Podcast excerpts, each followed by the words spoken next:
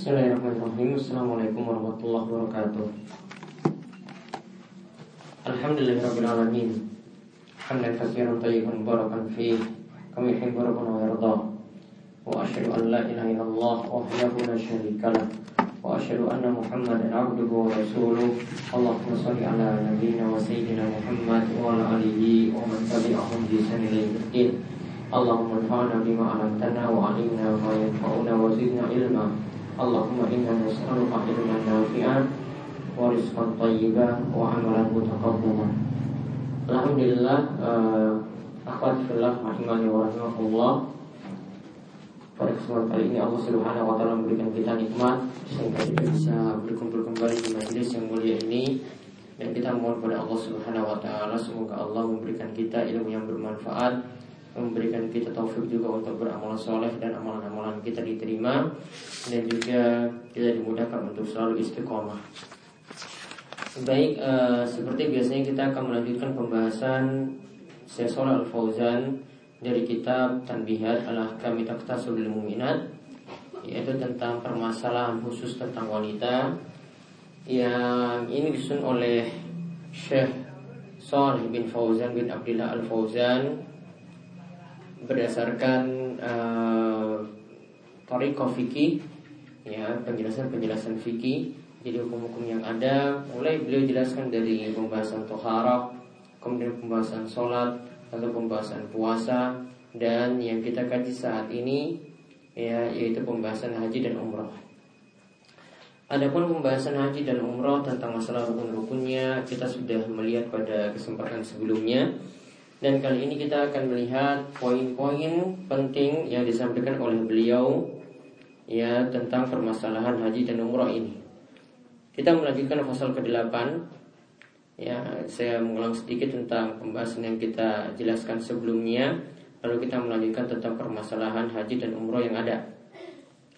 Itu sebelumnya dijelaskan oleh Syekh Al-Fauzan bahwasanya haji ke Baitullah ini diwajibkan ya bagi setiap orang yang mampu. Ya yang telah memenuhi syarat-syarat wajib haji.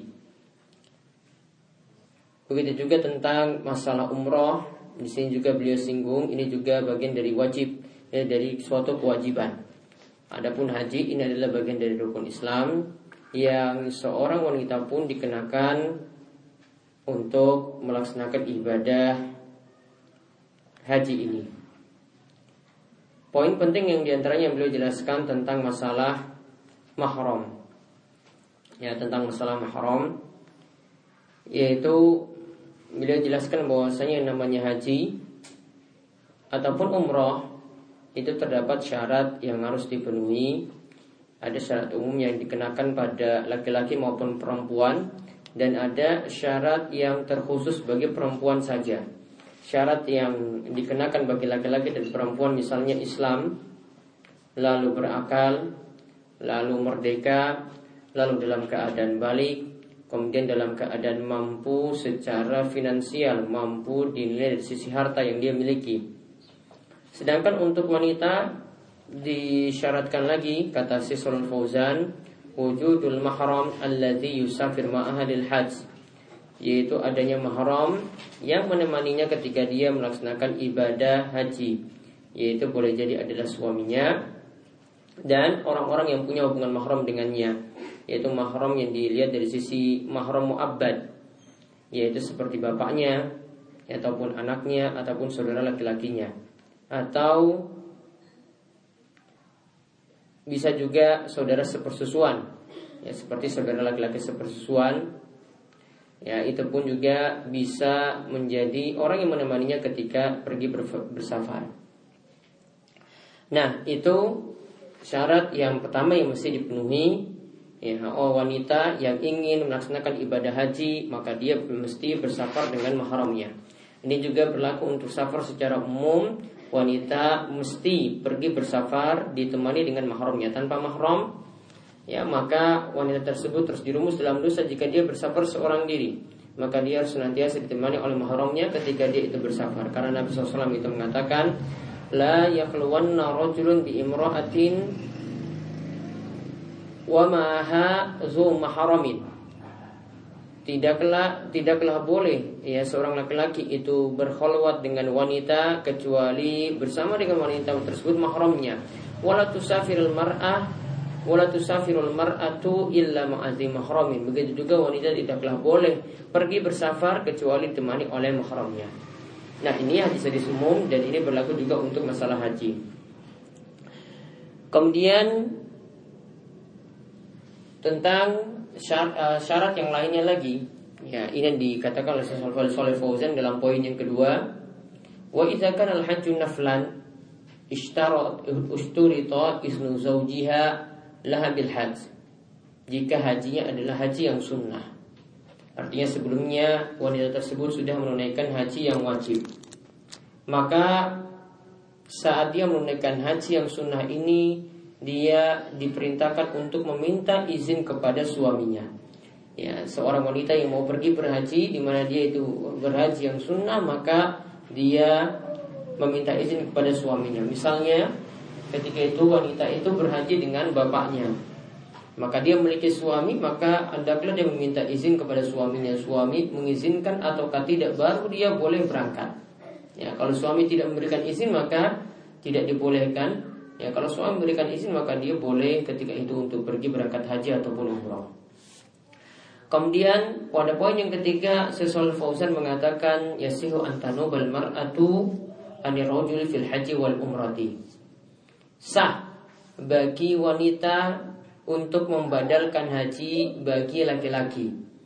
Ya dalam haji maupun umroh dalam haji maupun umroh jadi untuk masalah badal yaitu menggantikan haji atau umroh itu dibolehkan ya bagi wanita menggantikan laki-laki ataupun sebaliknya laki-laki menggantikan wanita. Ketika itu tidak ada syarat harus memiliki jenis kelamin yang sama untuk masalah badal. Yang penting orang yang membadalkan itu sudah pernah berhaji ya atau dia sudah pernah berumroh maka dia boleh membadalkan haji atau umroh untuk orang lain.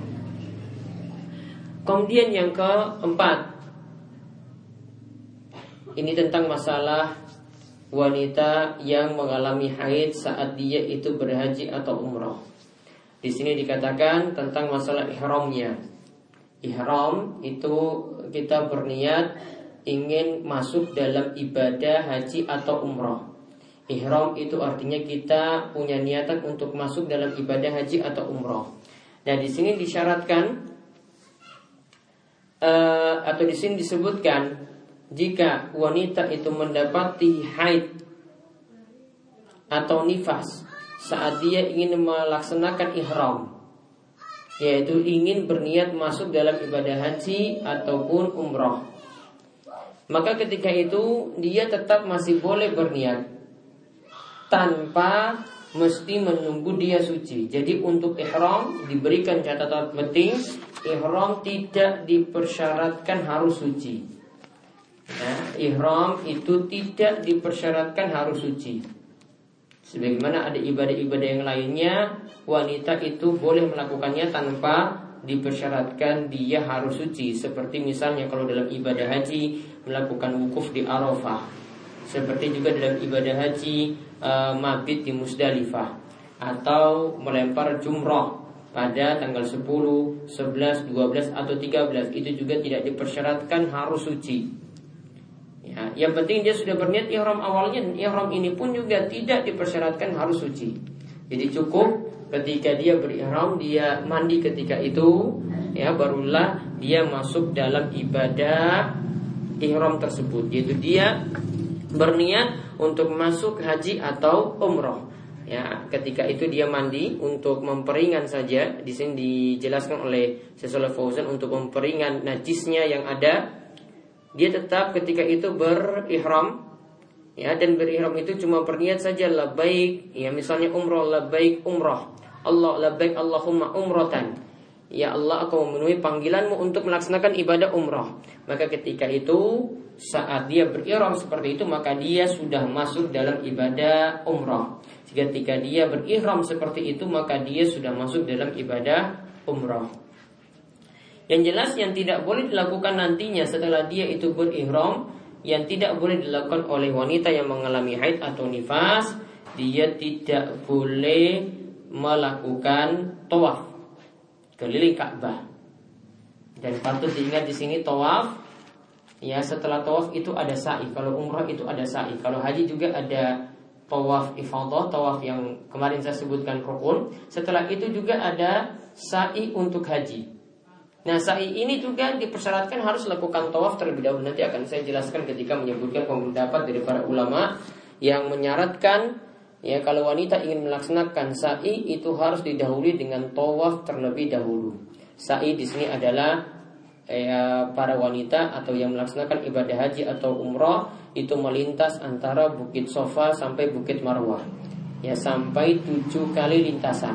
Ya sampai tujuh kali lintasan Adapun tadi untuk tawaf maka wanita ini tidak melakukannya. Berarti sa'i juga tidak bisa dilakukan karena sa'i dipersyaratkan harus tawaf terlebih dahulu. Tentang masalah tawaf yang tidak boleh di sini pernah uh, Nabi SAW mengatakan kepada Aisyah yang saat itu sedang mengalami haid. Dia ketika itu menangis ya ketika bertemu dengan Nabi Shallallahu Alaihi Wasallam maka Nabi SAW itu menanyakan kepada Aisyah radhiyallahu anha ma yabki kila allaka nafasti Ma yabkiki la'allaka nafas la'allaki nafasti. Apa yang membuatmu menangis wahai Aisyah? Sepertinya engkau mengalami haid. Sepertinya engkau mengalami haid. Di sini ingat, ya, para akhwat sekalian Nabi SAW menyebut nifas untuk istilah haid. Jadi haid itu kadang diistilahkan dengan nifas. Ya haid itu kadang diistilahkan dengan nifas sebagaimana dalam hadis ini. Nabi katakan, "Ma yabkiki la'allaki nafasti." Apa yang membuatmu menangis wahai Aisyah? Seolah-olah engkau ini mengalami haid. Ya Nabi istilahkan dengan nifas di sini. Maka ketika itu Aisyah menjawab, "Qalat" Aisyah menjawab, "Na'am." Iya betul. Aku mengalami haid. Maka ketika itu Nabi SAW menasihatkan perkataan yang bagus kepada Aisyah dan ini berlaku untuk wanita yang mengalami haid di mana mereka itu mungkin merasa putus asa dalam ibadah tidak bisa melakukan ibadah seperti layaknya orang-orang yang suci. Maka ketika itu Nabi katakan hadza syai'un qad katabahallahu ala banati adam. Haid ini ini adalah suatu ketetapan yang telah Allah tetapkan bagi para wanita. If ali mayaf if ali mayaf alul hajj ghaira alla tatufi bil bait Wahai Aisyah, lakukan segala sesuatu sebagaimana yang dilakukan oleh orang-orang yang berhaji. Namun, engkau tidak boleh melakukan tawaf keliling Ka'bah. Namun engkau tidak boleh melakukan tawaf keliling Ka'bah. Maka di sini juga selain menunjukkan larangan tawaf bagi wanita yang mengalami haid. Hadis ini juga menunjukkan bahwasanya wanita itu harus ridho dengan takdir yang Allah tetapkan. Ketika dia punya masa semangat-semangat untuk ibadah, lalu tiba-tiba datang haid. Maka dia harus pasrah dengan ketentuan Allah Subhanahu wa taala. Itu sudah jadi ketetapan Allah. Misalnya dia menjalani ibadah puasa. Puasa wajib di bulan Ramadan, sudah lakukan puasa hingga jam 4 sore, kemudian datang haid. Maka ketika itu dia harus pasrah pada takdir Allah Subhanahu wa taala ini sudah jadi ketentuan Allah Subhanahu wa taala. Walaupun tinggal dua jam lagi waktu berbuka, maka dia harus pasrah kepada takdir Allah Subhanahu wa taala. Mungkin juga jika wanita dapat waktu-waktu istimewa misalnya saat puasa Arafah, saat puasa Ashura atau uh, mendapatkan waktu-waktu yang mustajabnya doa. Kalau doa masih bisa wanita haid itu untuk berdoa. Ya ini terutama untuk ibadah puasa misalnya. Ketika dia mengalami haid ketika itu tidak bisa melakukan puasa-puasa sunnah maka dia juga harus pasrah kepada takdir Allah Subhanahu wa taala sebagaimana tadi Nabi katakan hadza syai'un qad katabahallahu ala banati Adam. Harus diketahui bahwa ini adalah ketetapan Allah yang sudah ditetapkan pada Bani Adam. Maka setiap wanita harus pasrah, harus menerima takdir Allah Subhanahu wa taala yang ada. Tidak boleh dia protes, tidak boleh dia menggerutu, tidak boleh dia itu berkeluh kesah atau dia merasa tidak menerima dengan takdir tersebut. Dia mengalami haid saat dia punya semangat masa masa semangat untuk ibadah, maka dia harus tetap menerimanya. Dan ingat, setiap orang yang punya halangan untuk melakukan suatu ibadah, padahal itu sudah jadi kebiasaan. Ya, setiap orang ini kaidah yang perlu diingat. Setiap orang yang punya kebiasaan untuk melakukan suatu ibadah. Rutin dia melakukannya dan dia mendapatkan halangan untuk melakukan ibadah tersebut suatu waktu, maka akan tetap dicatat dia seperti melakukan ibadah tadi. Misalnya, orang yang sholat, kata Nabi SAW, orang yang sholat dalam keadaan sakit, dia tidak mampu berdiri saat sholatnya.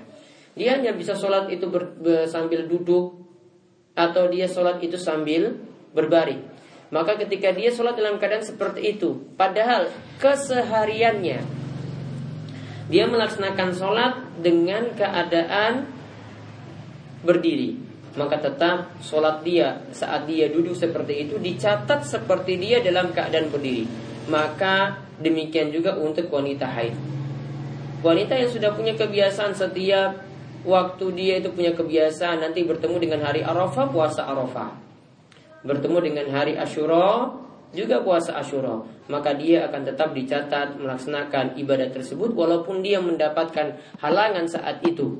Tidak melakukan ibadah saat itu karena mendapatkan halangan yaitu haid, maka tetap dicatat sebagai pahala. Jadi tidak perlu berputus asa, ya terima dengan takdir yang Allah takdirkan dan pokoknya buat ibadah kita itu rutin tatkala kita tidak ada usul maka tetap melakukan ibadah tersebut mudah-mudahan Allah mencatatnya sebagai pahala saat kita tidak bisa melakukannya karena mendapatkan uzur. Jadi ingat kaidahnya orang yang ada uzur ketika itu baik dia itu mendapati haid atau dia itu sakit ya atau dia itu bersafar ketika dia tidak bisa melakukan ibadah secara sempurna atau meninggalkan ibadah tersebut karena ada uzur tadi maka tetap dia akan mendapatkan pahala tersebut asalkan dia rutin di saat-saat dia itu suci atau di saat-saat dia itu sehat ya atau di saat-saat dia itu mukim dia melakukan rutin ibadah tersebut maka akan tetap dicatatkan pahala yang sama.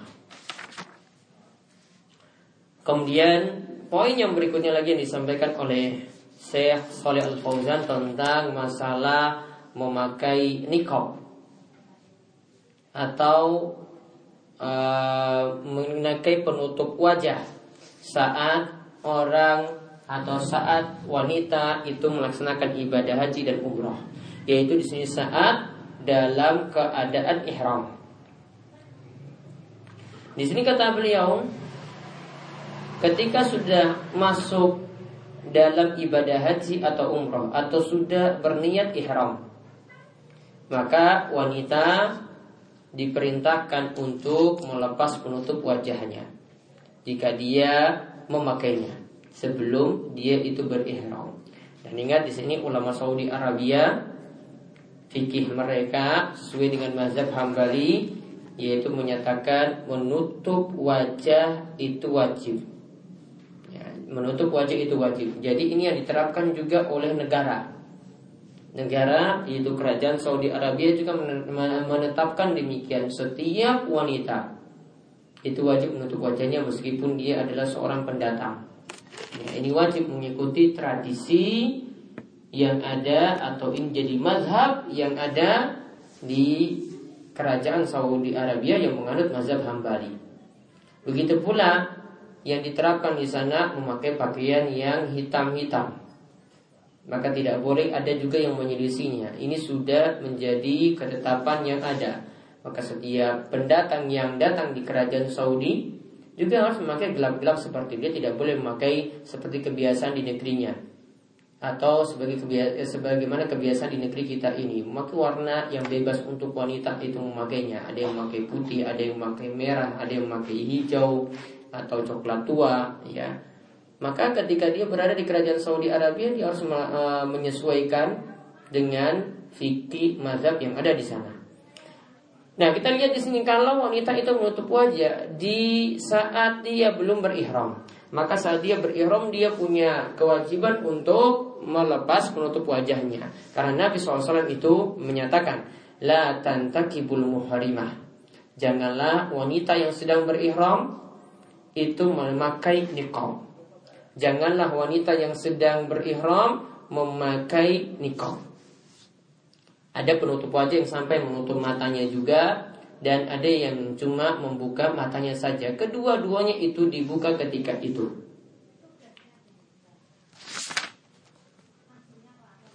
Ada penjelasan dari Syekhul Islam Ibnu Taimiyah. Ia menyatakan bahwasanya wa amal mar'atu fa innaha aurah.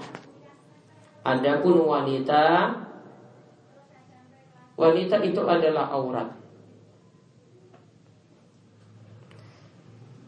Falizalika jazalah antal bisa siap allati tasturu biha. Oleh karena itu, karena seluruh tubuh wanita itu menurut Syekhul Islam itu aurat, maka dia diperintahkan untuk menutup badannya seluruhnya dengan kain. Namun di sini kata Syekhul Islam lakin nahahan Nabi SAW antan takiba. Adapun ya yang dikecualikan di sini adalah ketika wanita itu dalam keadaan berihram maka dia dilarang untuk memakai niqab au talbasul qafazin dan juga dilarang memakai kaos atau sarung tangan. Jadi ada dua larangan yaitu dilarang menutup wajah dan juga dilarang untuk memakai kaos tangan. Wal qafazan walafan yasna'u liliyad. Yang namanya kofazin tadi itu ada sesuatu yang menutupi tangan. Berarti kaos tangan atau sarung tangan. Ini tidak boleh dikenakan oleh wanita. Namun di sini ya wal lau ghattatil mar'atu wajha bi syai'in la yamussal wajh jaza bittifaq. Namun kalau wanita itu menutup wajahnya dengan kain yang ini bukan jadi penutup wajah. Jadi misalnya dia ambil hijabnya, dia ambil jilbabnya, kemudian ada laki-laki yang lewat ketika itu dia kemudian menutupinya, maka itu dibolehkan berdasarkan kesepakatan para ulama. Jadi kalau ada laki-laki yang lihat dia saat dia itu berihram, maka dia menutupinya dengan kain yang ada di jilbabnya, maka itu dibolehkan. Tidak ada larangan. Bahkan di sini ada pembolehannya berdasarkan ijma atau berdasarkan kata sepakat dari para ulama, berdasarkan ittifak atau kata sepakat dari para ulama.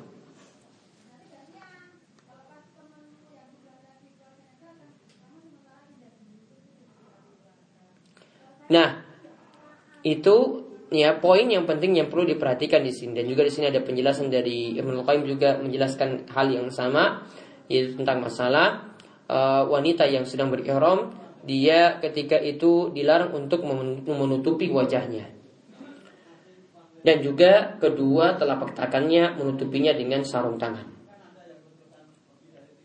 Nah kemudian poin yang ketujuh yang disampaikan lagi oleh uh, oleh Syekh Fauzan beliau katakan yajuzu lil mar'ah an talbis hal ikhramiha masat minal malabis nisa'iyya allati laysa fiha zinah.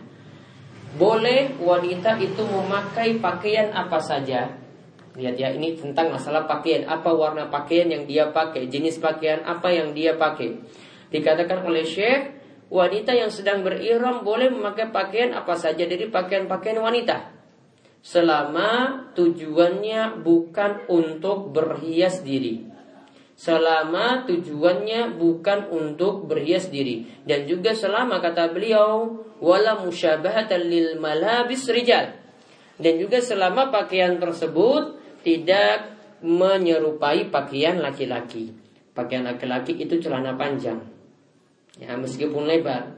Ya, ini adalah pakaian laki-laki ketika wanita sedang berihram juga tidak diperkenankan memakai celana semacam itu.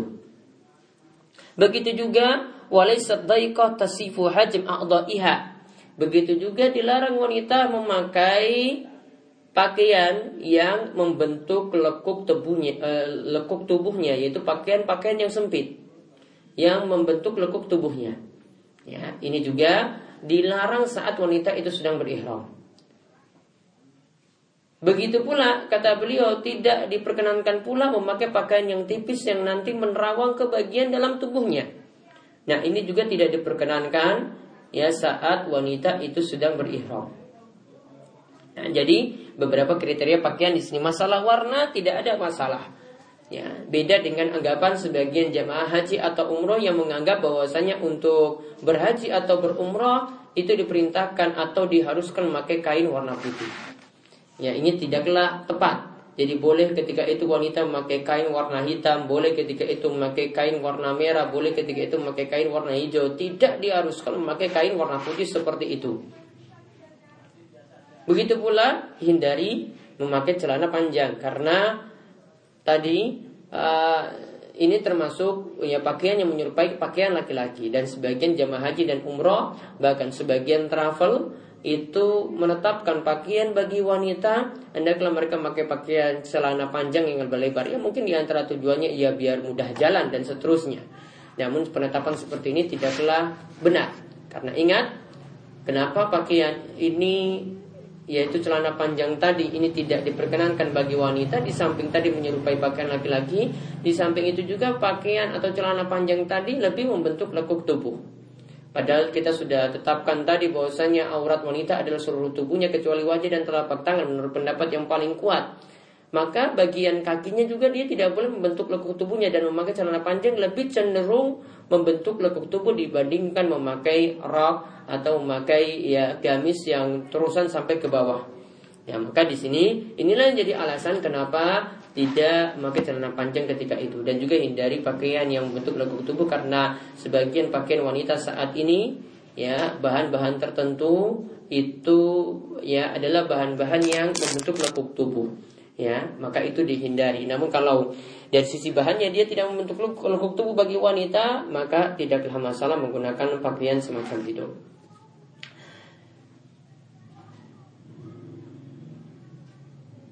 Di sini Syaikhul Fauzan mengatakan wala yata'ayyan 'alaiha an talbas launan muayyanan min asyabil kal akhdar wa inna ma talbasu ma sya'at min al-alwan al-mukhtasab bin nisa ahmar au akhdar au aswad.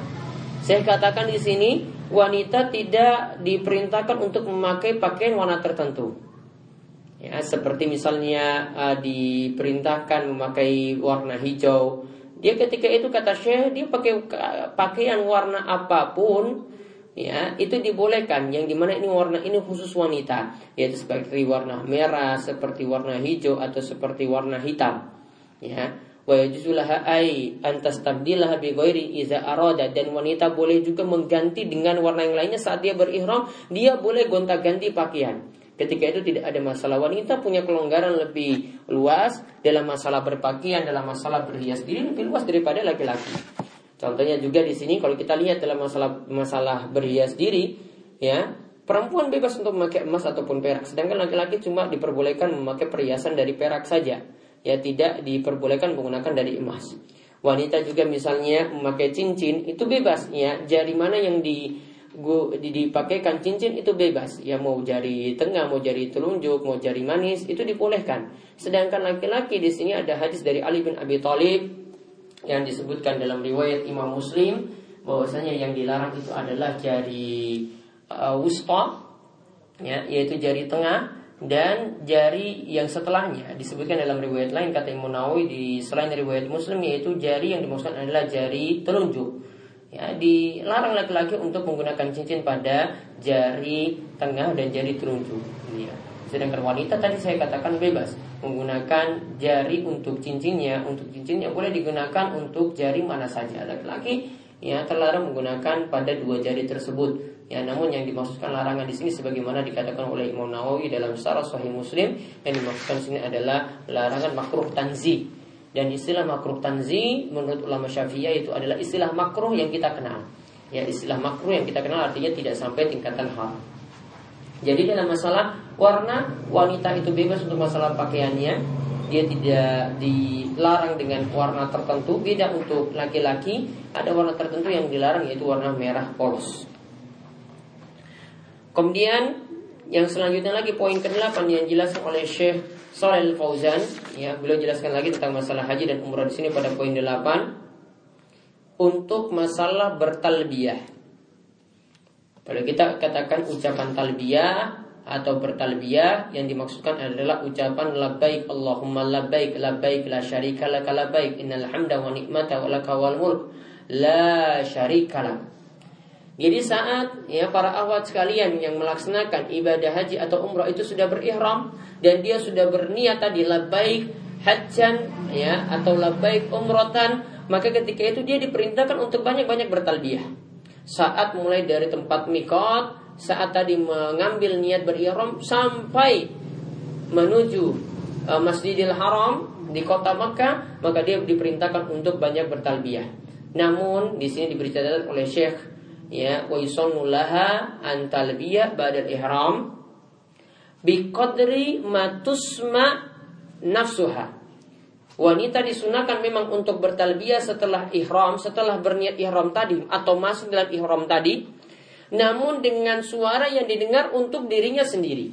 Jadi suaranya tidak diperdengarkan untuk orang banyak atau tidak didengarkan sebagaimana laki-laki. Laki-laki diperintahkan untuk mengeraskan suaranya saat mengucapkan labaik Allahumma labaik dan seterusnya sedangkan wanita cukup dengan suara yang lirih. Ibnu Abdul Bar itu mengatakan para ulama itu sepakat bahwasanya yang sunnah bagi wanita la sautaha. Janganlah wanita itu mengangkat tinggi suaranya. Wa inna alaihi antusma nafsuha. Cukup wanita suaranya itu didengar oleh dirinya sendiri. Ketika dia bertalbiyah juga seperti itu. Wa inna ma karihalaha rafu saut mukhafatal fitnah biha. Di sini wanita dilarang untuk mengeraskan suaranya karena takut menimbulkan fitnah. Laki-laki mendengar suaranya saja bisa tergoda, maka ketika itu dilarang seperti itu. Oleh karena itu juga di sini dikatakan oleh Ibnu Abdul Bar, walihada la yusannu azan wala iqamah. Oleh karena itu wanita juga tidak diperkenankan untuk mengumandangkan azan maupun iqamah wal masnunu laha fi tanbih fi shalah at-tasbih duna tasbih. Begitu juga sebagaimana ini juga kita telah terangkan sebelumnya. Ibnu Abdul Bar mengatakan disunahkan bagi wanita untuk mengingatkan imam di dalam sholat cukup dengan menepuk tangan. Menepuk tangan kemarin saya contohkan apa? Atau saya jelaskan itu apa menepuk tangannya? Para akhwat, caranya bagaimana? Hmm? Dalam telapak tangan dengan dalam telapak tangan? Ya, ada bagian dalam telapak tangan kanan menepuk punggung telapak tangan kiri. Ya, ini wanita diperkenankan itu saja. Duna tasbih. Ibnu Abdul Bar mengatakan tanpa menyebut tasbih, tanpa mengucapkan subhanallah seperti laki-laki. Ya, demikian yang beliau katakan dinukil dalam kitab Al-Mughni Ibnu Qudamah. Ya, jadi di sini perbedaan talbiyah antara laki-laki dan perempuan. Talbiyah untuk perempuan cukup dengan suara yang diri, sedangkan bagi laki-laki boleh baginya untuk mengeraskan suaranya. Nah itu sampai poin ke-8 saja yang kami sampaikan untuk kesempatan kali ini Insya Allah masih ada poin beberapa poin selanjutnya sampai nanti poin yang ke 16 Insya Allah saya rampungkan nanti pada pertemuan berikutnya. Baru setelah itu kita masuk pasal yang baru Tentang masalah ya fikih wanita yang berkaitan dengan masalah keluarga. Nah itu saja. Monggo di antara para akhwat sekalian yang ingin bertanya Kami persilahkan Bisa bertanya langsung.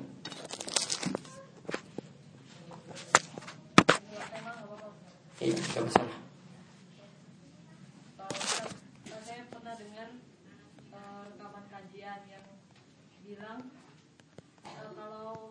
Allah itu tidak bisa melakukan semua hal. Maksudnya, mis, uh, contohnya ketika Allah itu adil, maka Allah tidak bisa berlaku tidak adil. Nah itu gimana Ustaz? Keyakinan yang seperti ini benar atau enggak? Terus di Al-Quran dalilnya? Itu rekamannya siapa itu?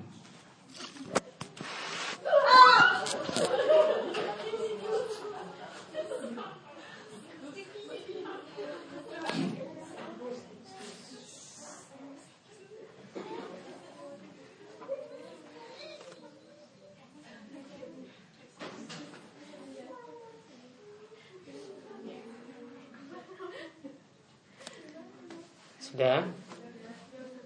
Ada apa itu kucing? Oh tikus.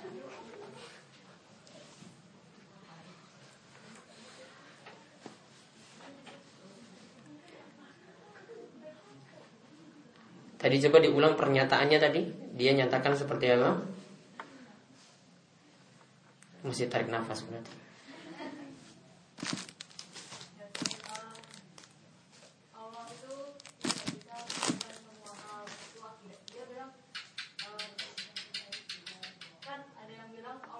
melakukan segala hal terserah Allah itu hak prerogatif Allah terus dia bilang tuh akidah yang kurang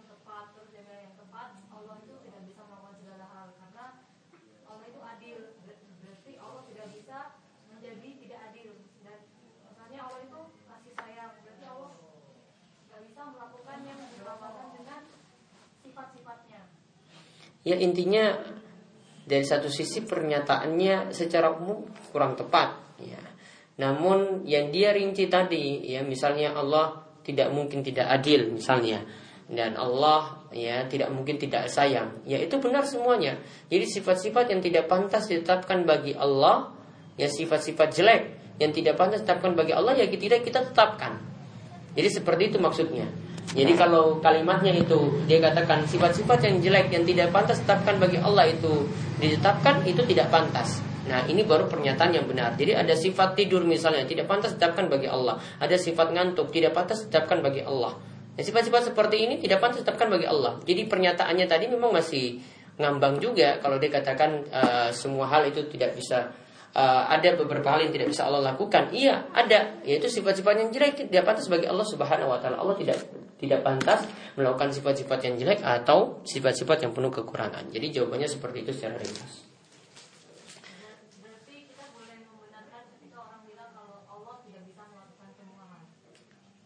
Tidak tepat pernyataannya. Pernyataannya harus di ada embel-embel lagi setelahnya, yaitu Allah tidak uh, ada beberapa hal yang tidak dilakukan oleh Allah itu sifat-sifat yang tidak pantas. Ya, sifat-sifat yang tidak pantas. Jadi pernyataannya secara umum kalau dimutlakan pada Allah tidak tepat. Ada lagi? Mau tanya Ustaz. Ya. Um, batasan untuk pakaian tadi kan sempat menyinggung pakaian yang seperti laki-laki. Iya. Batasan-batasan pakaian yang seperti laki-laki itu seperti apa? Maksudnya cuma pakaian atasan terus pakaian bawah laki-laki atau mungkin e, seperti sandal laki-laki atau mungkin jaket sarung tangan seperti itu kalau pakaian di sini nanti dilihat dari sisi urf. Tadi di sini Syekh Fauzan ini sempat menyinggung masalah warna. Beliau katakan di sini warna-warna yang khusus bagi perempuan. Apa saja warna yang bagi perempuan? Beliau nyatakan di sini ya. Beliau nyatakan tadi warna hijau warna merah warna hitam. Ya hijau merah warna hitam. Beliau di sini tidak menyinggung warna putih. Kenapa? Karena menurut urf yang ada di kerajaan Saudi Arabia, warna putih itu tidak dikenakan untuk wanita. Warna putih untuk dikenakan bagi laki-laki. Jadi sebagian standar kita nyatakan bahwasanya ini pakai laki-laki atau ini pakai perempuan dilihat dari urf. Ya, dilihat dari urf atau kebiasaan masyarakat setempat.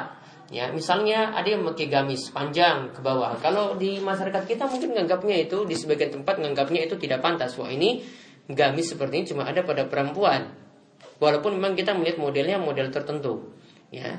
Namun ada beberapa lagi kita lihat e, kalau sendal misalnya, sendal dilihat dari urf juga sudah kita lihat oh ini sendal bentuk seperti ini untuk perempuan, tidak pada laki-laki. Kita bisa lihat dari bentuknya dan sudah jadi anggapan bersama bahwasanya ini adalah uh, sesuatu yang digunakan untuk perempuan tidak bagi laki-laki. Gampang dibedakan itu dengan warna juga demikian, kemudian uh, bentuknya juga demikian. Kalau pakaian misalnya kaos mungkin kalau wanita pakai kaos laki-laki di di rumah ya mungkin wajar masih boleh ya namun kan seperti dia tidak pakai ketika di luar rumah karena ketika dia di luar rumah ketika dilihat oleh laki-laki lain maka dia punya pakaian-pakaian yang khusus ya tidak tidak boleh dia memakai pakaian seperti itu ketika dia berada, berada di luar rumah. Jadi di sini dilihat dari urf, selama di sini urfnya itu tidak uh, pakaian wanita tadi ini secara urf itu dibolehkan maka urfnya itulah yang berlaku. Ya, jadi patokannya itu dilihat dari urf, tidak ada standar tertentu. Ada lagi?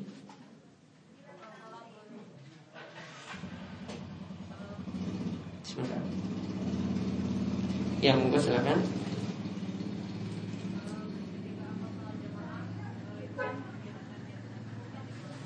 Ketika Ya ketika sholat jamaah terus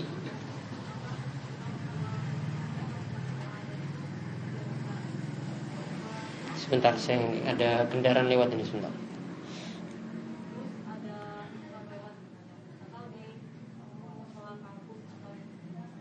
Hmm.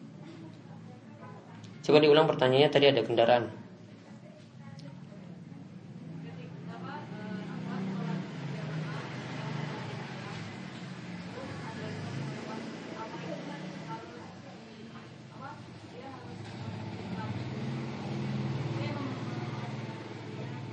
Dia harus apa menutup wajah.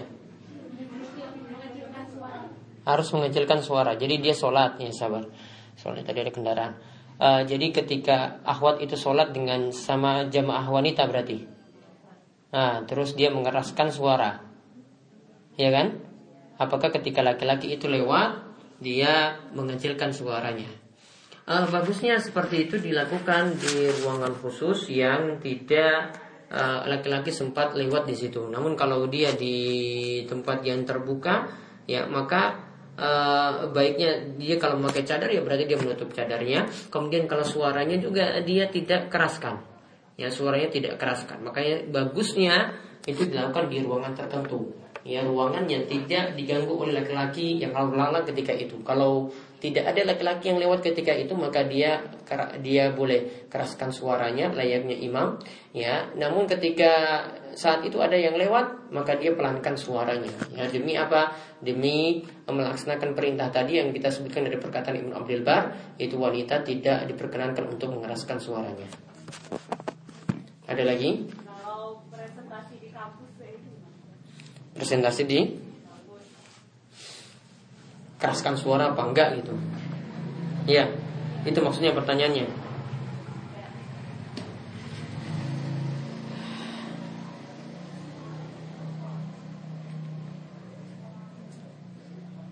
Ya bagaimana lagi karena sudah berada di tempat seperti itu ya dia diperintahkan untuk mengeraskan suaranya ya dia keraskan suaranya. Kecuali tadi kalau dia sama wanita ya memang dia mengeraskan suara tidak ada masalah. Kalau dengan laki-laki ya karena dia di tempat yang ikhtilat atau dia berada di tempat seperti itu dan dia mengambil risiko seperti itu ya sudah dia mengambil yang lebih ringan daripada pelanggaran-pelanggaran yang ada. Wallahu Ada lagi yang terakhir?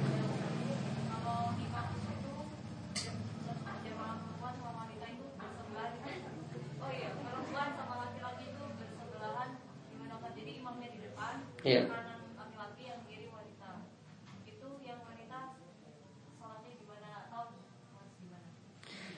Uh, ketika seperti itu boleh asal uh, apa hijabnya itu ditutup dengan sempurna. Kalau kondisinya seperti itu maka baiknya saf wanita dihitung dari belakang.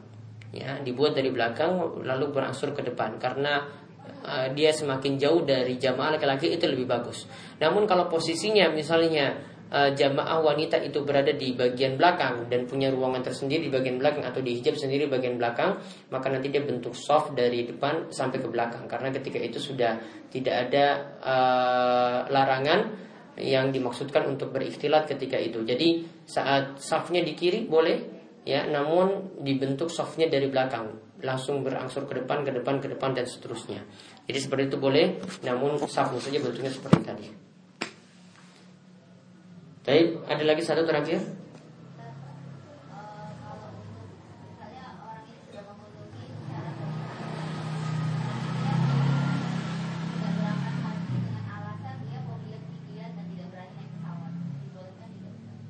Dia ketika itu tidak berani naik pesawat karena